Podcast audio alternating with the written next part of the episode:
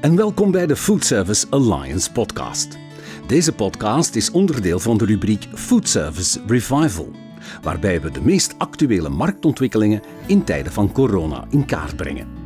We bespreken hier de onderzoeken en analyses van Food Service Alliance en gaan hierbij in gesprek met experts, ondernemers en directieleden van bedrijven actief binnen de Belgische foodservice-markt. Vandaag spreken we in de Food Service Alliance podcast met David Klaes, ondernemer achter de bekende fast casual formule Automat en vooral ook het creatieve brein achter True Agency, een bureau wat bedrijven en merken helpt met strategische communicatie, vooral in food. Welkom David. Automat en True Agency kun je voor de luisteraars die jou nog niet mochten kennen uh, in twee zinnen uitleggen wie je bent, wat je doet heb het net gedaan, inderdaad. We zijn een bureau die werkzaam is in de food uh, met True, dus dedicated food. Uh, daar positioneren we en brengen we merken uh, naar de markt samen met de opdrachtgevers. En daarnaast is Automat het eerste Belgische fast casual pizza concept. toen we dat begonnen, lachten ze ons uit, Belgisch pizza. Maar we hebben gezegd, sinds de Franse de frieten claimen, gaan we maar lekker de, de pizza claimen als Belgische onderneming of als Belgisch concept. En we zijn nu actief in vijf steden de grote steden in België. Eh, en eh, we zijn aan het kijken naar de zesde, de zesde vestiging. Ja, dankjewel. Die vijf steden, je verwijst er dan naar. Uh, vandaag in het post-corona-tijdperk. Misschien mogen we het zo nog niet stellen, maar in, nu de lockdown voorbij is, we merken dat de horeca terug is opgestart. Dat, um, dat daarover de positieve, of de stemming toch wel redelijk positief begint te worden. Alleen voor de steden zijn er nog twee belangrijke uitdagingen. Hè, vooral op het niveau van studenten en op het niveau van buitenlandse toeristen. De studenten die lijken sterk verarmd te zijn in de coronatijd buitenlandse toeristen zijn er nog niet. Voor Automat, hoe uh, beleven jullie vandaag die aanwezigheid in die belangrijke kunststeden, in die belangrijke Belgische steden? Die twee doelgroepen die je net aanhaalt zijn wel belangrijk, zeker in bepaalde restaurants van ons. Denk aan Brugge en Brussel, waar we toch die afwezigheid van die toerist uh, voelen en toch wel wat vrezen ook naar de toekomst toe. Hè. Uh, zeker die toeristen van uh, heel ver weg, denk aan Brugge en Amerikanen en Aziatische toeristen die we niet gaan zien dit jaar. Studenten, inderdaad, die hebben ook wel drie maanden niet kunnen werken, zouden waarschijnlijk ook minder vlug aan de bak geraken. Dus voor al onze restaurants is dat ook wat koffiedik kijken. En vooral dan voor Leuven, ja, hoe zal het academiejaar volgend jaar eruit zien? Hoeveel keer moeten de studenten naar de stad komen, naar de, naar de universiteit of de hogeschool? Blijven ze weg? Wordt het nog altijd tele, tele studeren? Dus het is allemaal een, een beetje afwachten. Hè? Ja. Je bent zelf ondernemer, eh, actief in die steden, dus ik neem aan, je staat in nauw contact met andere horecaondernemers in, uh, in die regio's, in die, in die binnensteden. Hoe is de situatie op dit ogenblik? Hoe, spreken ze daarover met jou? Wel, tijdens de lockdown was het uh, de mindset heel slecht. Hè? Dat is ook door verschillende partijen bevraagd en bewezen. Uh, dat kwam ook door veel onduidelijke of geen regels of geen richtlijnen. Met de opening en waarschijnlijk geholpen door het goede weer en flankerende maatregelen zoals extra terrassen kunnen zetten, uh, leek het allemaal nogal mee te vallen wat ons betreft. En zeker in uh, steden waar we goed verankerd zijn als Gent en Antwerpen, is die start vrij vlekkeloos, rustig, maar in de positieve zin van het woord verlopen en zijn de restaurants weer opgestart. En onze teams hebben er ja, absoluut uh, veel geloof en veel hoesting in, laten we het zo zeggen. Ja. De bedoeling van deze podcast is niet alleen naar het, uh, het verleden kijken, David, vooral ook naar de toekomst. Ik denk dat we daar veel meer uh, profijt hebben te halen, eigenlijk voor heel de sector. Misschien, voordat we dat gaan doen, we moeten altijd ook even kijken naar wat voor effecten er op dit ogenblik voelbaar zijn, wat voor effect dat, welke effecten dat zullen blijven door blijven wegen op de nabije of de verdere toekomst. Vat dat eens voor jou zelf, voor jou als... Um, je bent toch meer dan een ondernemer die alleen met horeca bezig is. Je bent een beetje visionair, hè? Ook, die ook met strategische communicatie bezig Je denkt ver aan de toekomst of veruit. Hè? Hoe zie jij zelf die grote veranderingen? Hoe zou je dat kunnen samenvatten? Wat zijn de dingen die jij echt veranderd ziet de komende tijd? Um, als ze spraken over het nieuwe normaal, en ik ga daar direct op, op, uh, op landen, want ik vind het toch wel belangrijk naar die toekomst, dan ben ik daar nogal redelijk huiverig over, over de term. Ik denk dat we in een tijdelijk abnormaal verzeild zijn geraakt door de, de corona, de covid en de lockdown, maar dat we naar het, ja, het oude normaal gaan, maar dan beter. en een aantal dingen die al gaande waren, die zullen alleen maar versneller, versnellerd, of sneller sorry, uit, deze, uit deze situatie komen. Hè. Uh, dan denk je aan de, de hele digitaliseringsgolf uh, die bezig was en automatisering van die back-of-house in de horeca. Mm. Ja, die zal ontegensprekelijk nog meer vaart nemen. En dat is ook de goede van de horeca, want de toegevoegde waarde van, toegevoegde waarde van de horeca ligt echt wel in de front. Hè. Uh, als je het takeaway gebeuren zag groeien, geleidelijk aan, ja, dat is zwaar geëxplodeerd tijdens corona. Um, en dat zal ook wel gevolgen hebben voor het zaken doen in de toekomst je front of house wordt alleen maar groter. Het wordt ook in your house vanaf nu, hè, nog meer dan vroeger. Um, verwacht je dat die digitaliseringsgolf die ingezet is tijdens corona, de takeaway online ordering, verwacht je dat die de komende tijd verder zal blijven doorgroeien? Zie je daar echt een duurzame verandering in? Het is heel moeilijk, want de markt was verstoord. Restaurants waren niet open. Het was het enigste kanaal om nog uh, iets van het, uh, van het restaurantgebeuren uh, te kunnen ervaren. Dus dat zal waarschijnlijk wel een stukje genormaliseerd worden, maar het wordt wel een wezenlijk onderdeel, nog meer dan vroeger, van ons zaken doen. Zeker in de type restaurants waar wij uitbaten. Maar we zagen ook de fine dine zijn eerste stappen zetten daarin. En ik denk dat dat ook wel iets blijvends kan zijn, als een soort van side business. Maar het zal nooit niet de overhand nemen. Nee, het blijft vooral een, uh, de beleving ter plaatse. Geloof je daar uh, heel sterk in? Het is ook tijdens de corona gebleken dat het niet alleen ging over digitalisering, digitalisering die een snelle vaart maakte, maar ook bijvoorbeeld, hè, waar heel veel uh, ook internationale trendwatchers de mond van vol hadden, de herwaardering van thuis. Hè. Mensen die ineens thuis gingen ontdekken dat het ook plezant was om, om um, ja, het gezellig te maken, lekker te eten, met producten uit de supermarkt weliswaar, maar die ook blijkbaar in kwaliteit Ehm, de laatste jaren eh, enorm waren toegenomen, of die waren verbeterd.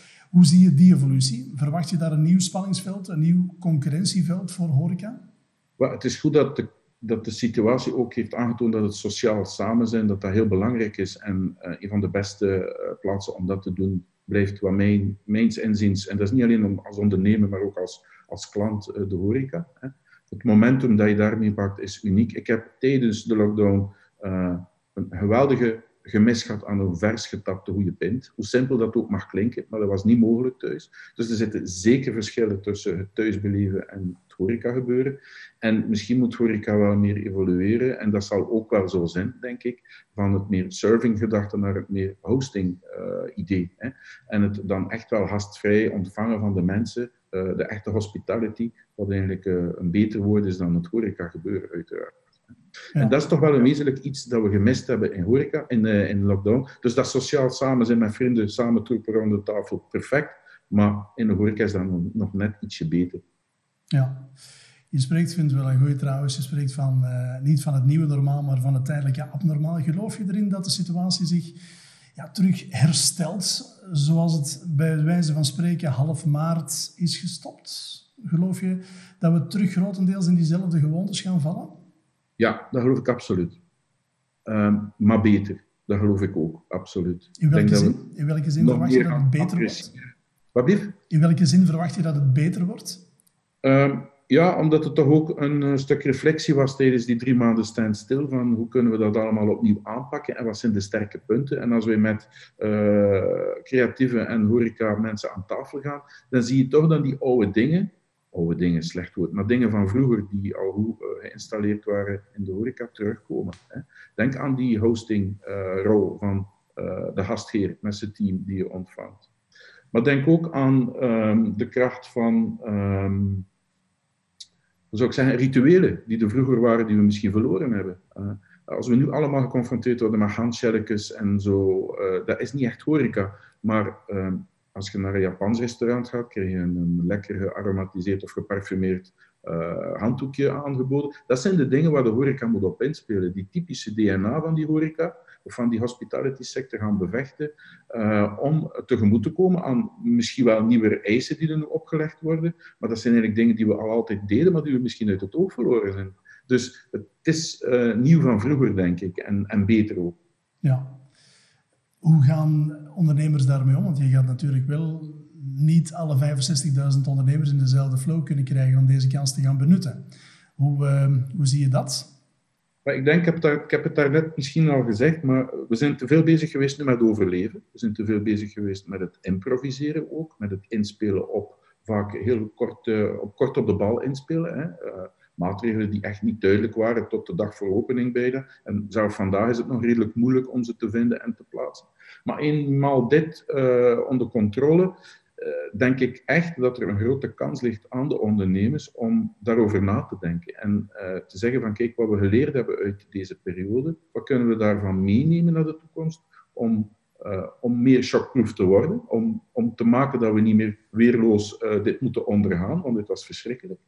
Uh, en wat kunnen we daarvan meenemen om, om als sector hier sterker mee uit, uit te pakken en, en, en, en, verder te gaan?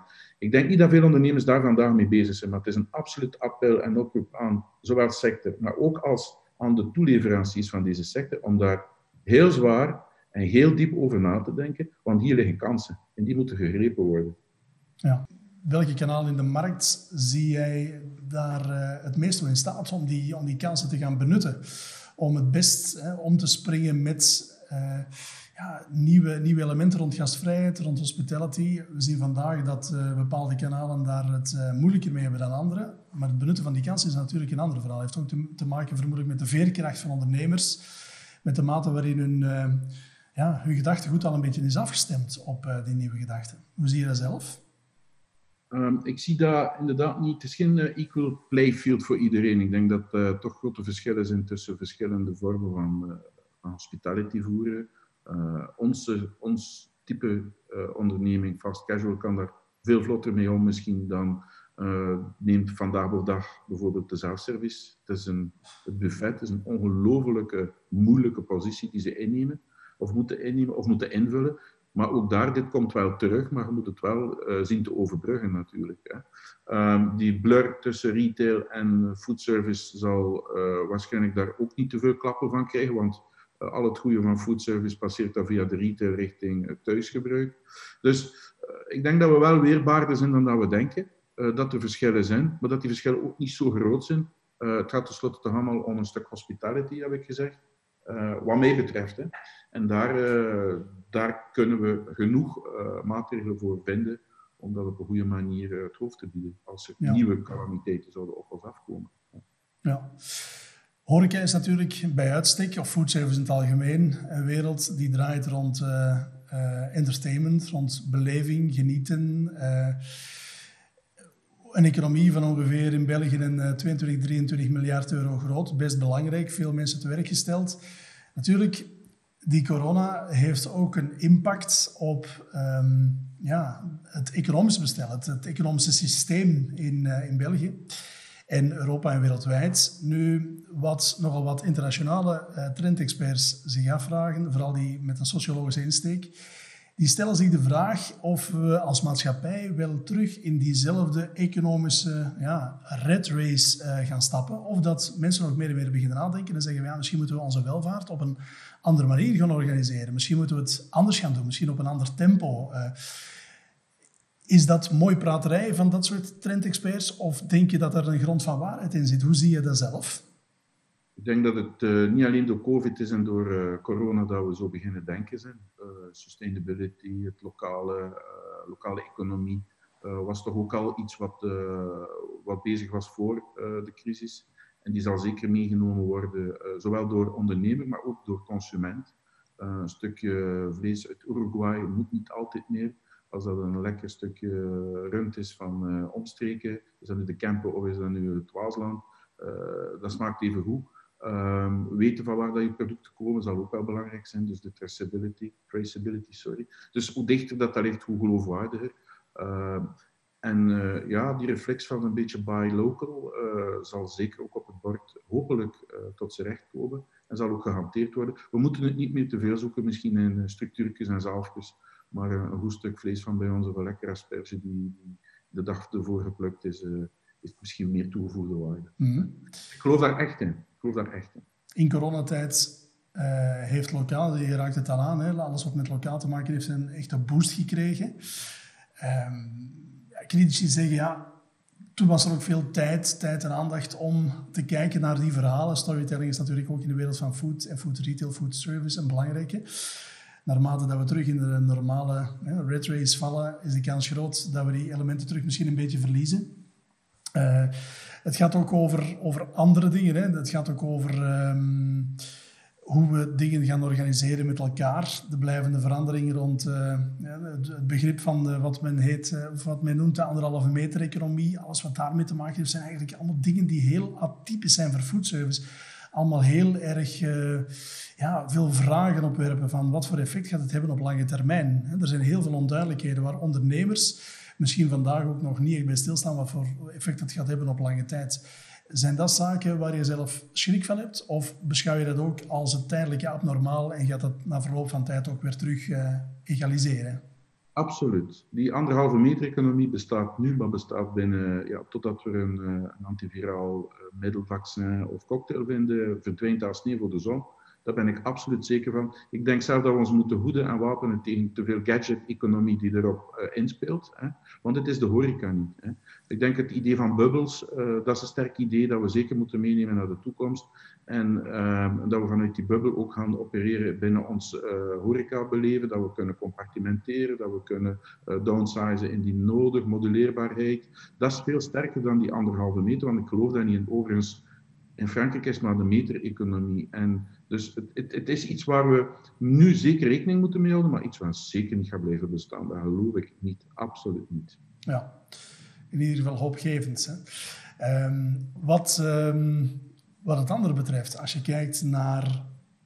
Uh, als je bij wijze van spreken de foodservice-markt zou voorstellen als een boom, waar oud hout in zit en waar ook jonge twijgen in zitten over die jonge twijgen, daar wordt van gezegd van ja, dat zijn die bepalen de toekomst. Hè. Daar moeten de nieuwe vruchten aan komen voor de horeca en de foodservice-markt van de toekomst. Langs de andere kant horen we daar wel op dit ogenblik de meest uh, verontrustende verhalen van. Het zijn die nieuwe, uh, nieuwe ondernemers die vandaag zeggen eigenlijk de meeste schade te lijden, uh, het meeste moeite te hebben. En eigenlijk de kritiek die ze geven is van ja, we zijn nu volop bezig met het herstellen van de oude economie.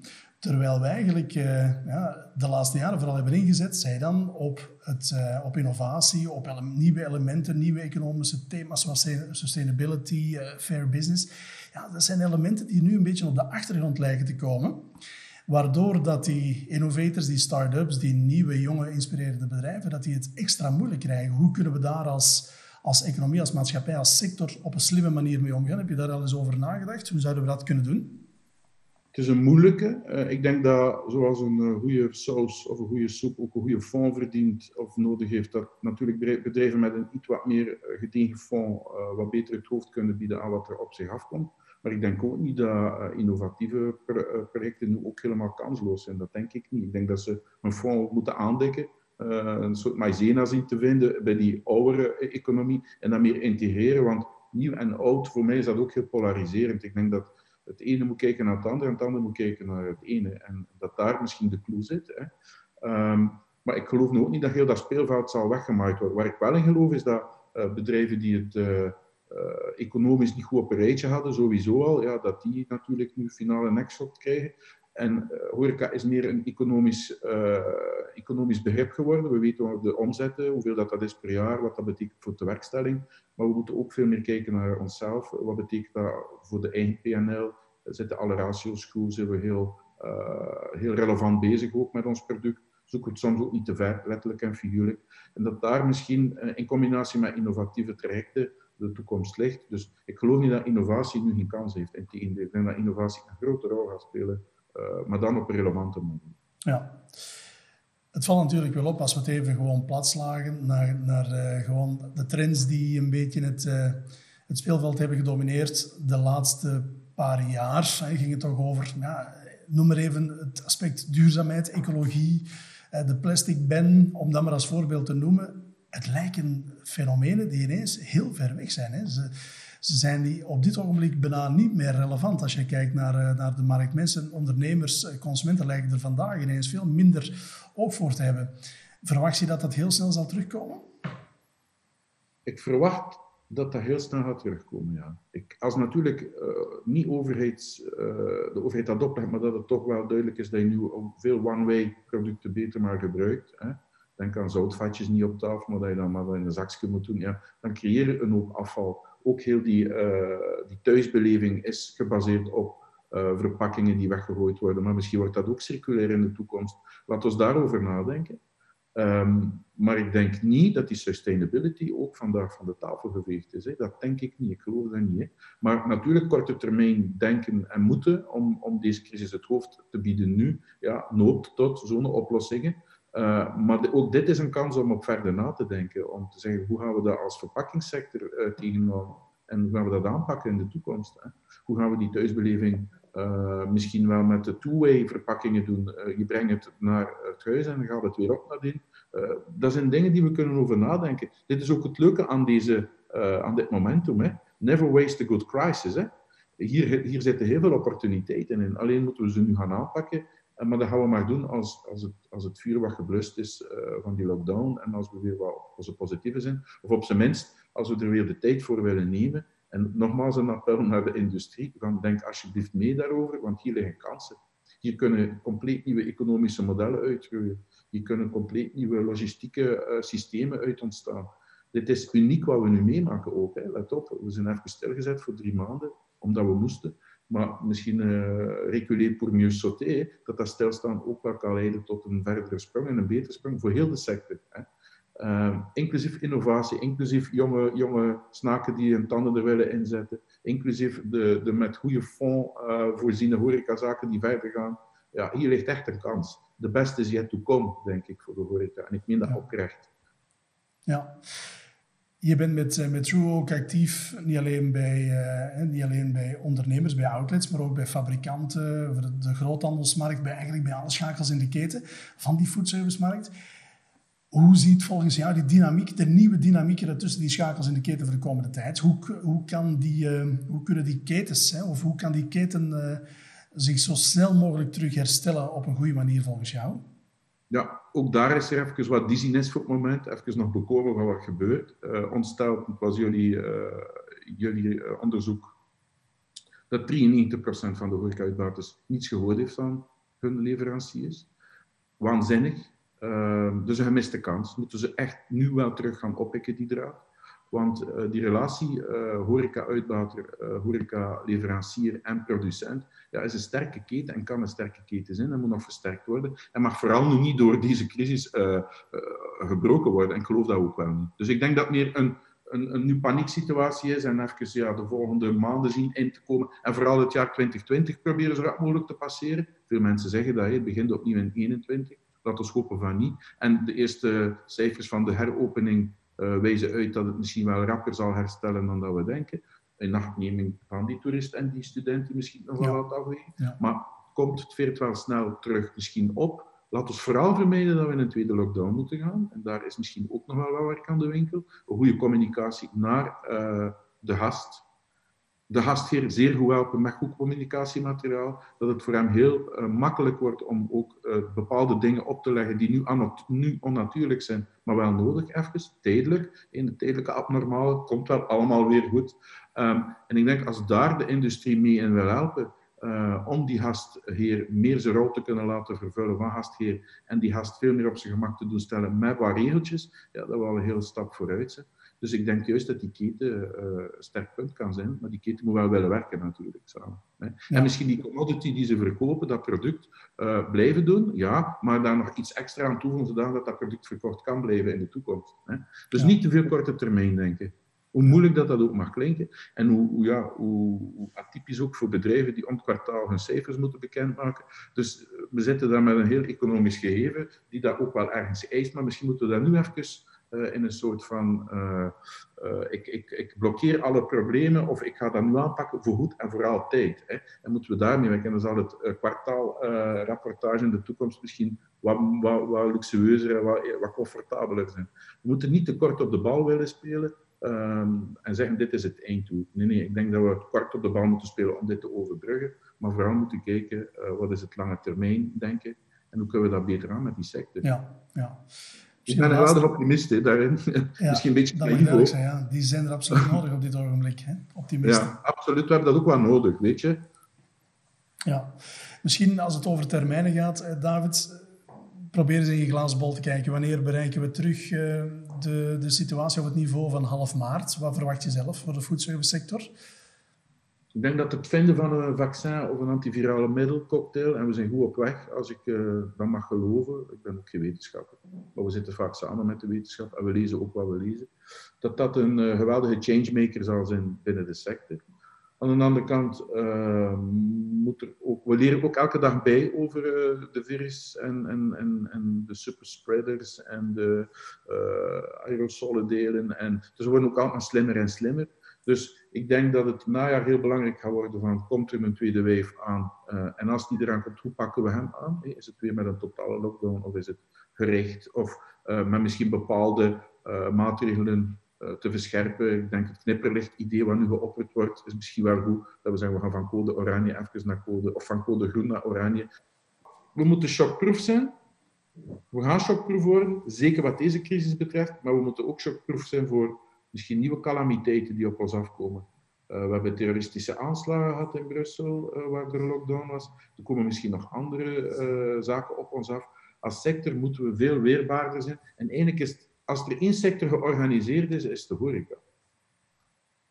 Dus ik, ik vind het heel erg dat we als eerste werden stilgelegd en als binnen laatste open gaan. Ja, of open klopt. Wij moeten daar veel meer proactief procedures tegenover kunnen stellen, die de DNA van die horeca ook bevatten, laten we daar ook eerlijk in zijn, maar die heel duidelijk uh, weerbaarheid toont, zodanig dat we veel langer open kunnen blijven en veel rapper open kunnen gaan. Ja, Zo'n lockdown van drie maanden zal waarschijnlijk en hopelijk nooit meer gebeuren. Uh, want dan is het misschien helemaal finaal. Maar ik denk niet dat dat uh, nog op ons afkomt. Ik denk dat de overheid ja. dat wel goed beseft. Ja. En de overheid heeft ook goed zijn verantwoordelijkheden opgenomen tijdens uh, de lockdown. Moet ook wel gezegd worden. Je hebt ook een, een, nieuw initiatief op poten gezet, Horeca Next, samen met, met Dennis, Dennis van Leerders. Een, een fantastisch verhaal eigenlijk, wat ook een, een antwoord kan bieden op heel wat vragen die in de, die in de sector leven. Uh, die ook die ondernemer weerbaarder moet maken, veerkrachtiger moet maken, inspiratie kan bieden. Wat is op dit ogenblik de status daarvan, David? Kan je er iets over zeggen? We hebben ons voorgenomen om gedurende vier maal uh, de komende maanden een soort van uh, oefening te doen. Uh, samen zitten aan tafel met virologen, economen, specialisten, noem maar op om hun sentimenten te gaan voelen. We doen dat ook met horeca-ondernemers. En we doen dat vooral met creatieven, want dan gaan we gaan co-creëren van welke oplossingen kunnen we hier nu gaan, gaan uit distilleren en aanbieden aan de sector. We hebben net fase 1 achter de rug, dat is de lockdown-fase. Dat was een heel restrictieve fase. We wisten echt niet waarin en waaruit. We kregen ook geen guidelines opgelegd.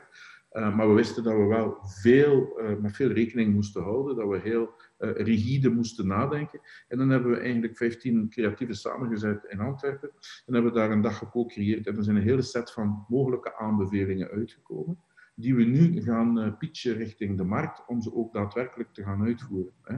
Ja. ik denk aan heel het handgebeuren. Hè. We zitten vandaag met shelletjes, dat is horeca niet, ik heb dat net al gezegd kunnen we niet met een cosmetica-merk of met een, uh, een textielmerk een ritueel gaan vinden, uitvinden die in de horeca past, die betaalbaar is en die eigenlijk heel die customer journey mee uh, omkadert. En dat dat al gepasseerd is. Dus heel dat handgebeuren. Dus de manusritueel hebben we dat genoemd. Uh, we hebben het ook over de bubbels. Ik heb dat pas al gezegd. Hè. Uh, wat betekent dat voor layouts van restaurants? Misschien moeten layouts a priori leesbaarder worden van een restaurant. Dat je niet met uh, stickers op de grond routings moet aanleggen, maar dat dat duidelijk is. Waar zijn de looplijnen? de bubbels. Misschien gaan we terug naar de boots en naar de... dus er zijn heel veel leuke dingen te bedenken vrij veel laag fruit ook die we kunnen plukken, om uh, zelfs in lockdown al een set van uh, antwoorden te bieden. De bedoeling is om dat vier keer te doen, totdat het vaccin gevonden is. En dan gaan we dat allemaal bundelen in één document. Met een, uh, ja, de bedoeling is om een eindaanbevelingsset dan aan te bieden aan de sector. Van kijk, als er nog iets gebeurt, denk dan dat, denk dan dat, denk dan dat. Ook over training van personeel, hoe ga je je crew daarin mee hebben. Dus het is een heel breed uh, project die we opgezet hebben en die eigenlijk nog maar in zijn eerste fase staat. We zijn ook uh, gefund door de 50 best restaurants in de wereld. Dus we zijn een van de 20 50 best recovery programs. Daar zijn we wel vier op. Dus uh, het zal ook een internationaal, internationaal wordt het ook bekeken wat we hier doen. En we hebben gezien dat er nog één dergelijk project bezig is aan de oostkust van Amerika Dus we gaan dan die twee dingen proberen samen te gieten als een soort van globaal set van oplossingen richting de sector om ons weerbaarder te maken. Ja, fantastisch. We gaan de vinger aan de pols houden. En goed, uh, goed mee de gaten houden wat er gebeurt. In ieder geval een, een mooi initiatief. Hè? En ik denk dat, uh, dat de woorden die je zelf hebt gebruikt net zijn Never Waste a Good Crisis, dat, die, uh, dat je die met deze enorm goed eh, toepast. Ik ehm, vond het heel inspirerend. Heel erg bedankt voor jouw nuttige en zeer waardevolle inzichten. Ik onthoud vooral ook dat we niet meer moeten spreken over het nieuwe normaal, maar over het tijdelijk abnormaal. Voor mij geeft dat een totaal andere dynamiek, een andere, uh, minder kortsluiting in mijn hoofd. Ik word heel zenuwachtig van het begrip het nieuwe normaal. En ik denk, ik niet alleen. En het, uh, tijdelijke abnormaal, laten we daar ook tijd aan besteden om dat goed in kaart te brengen. En in ieder geval ook daar weer goede kansen uit te benutten. Dankjewel, David, voor jouw tijd en moeite. Vergeet niet, never waste a good crisis, but the best is yet to come. En ik denk dat we daar moeten hard aan werken een, een mooiere afsluiter had ik niet kunnen bedenken. Dank je wel. Bye bye. Wil je meer weten over de impact van het coronavirus op de Belgische foodservicemarkt? Surf dan naar www.foodservicealliance.be. Volg ons via sociale media op LinkedIn en Facebook.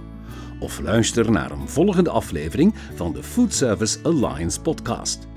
Heb je een vraag waarmee Food Service Alliance jouw organisatie kan helpen?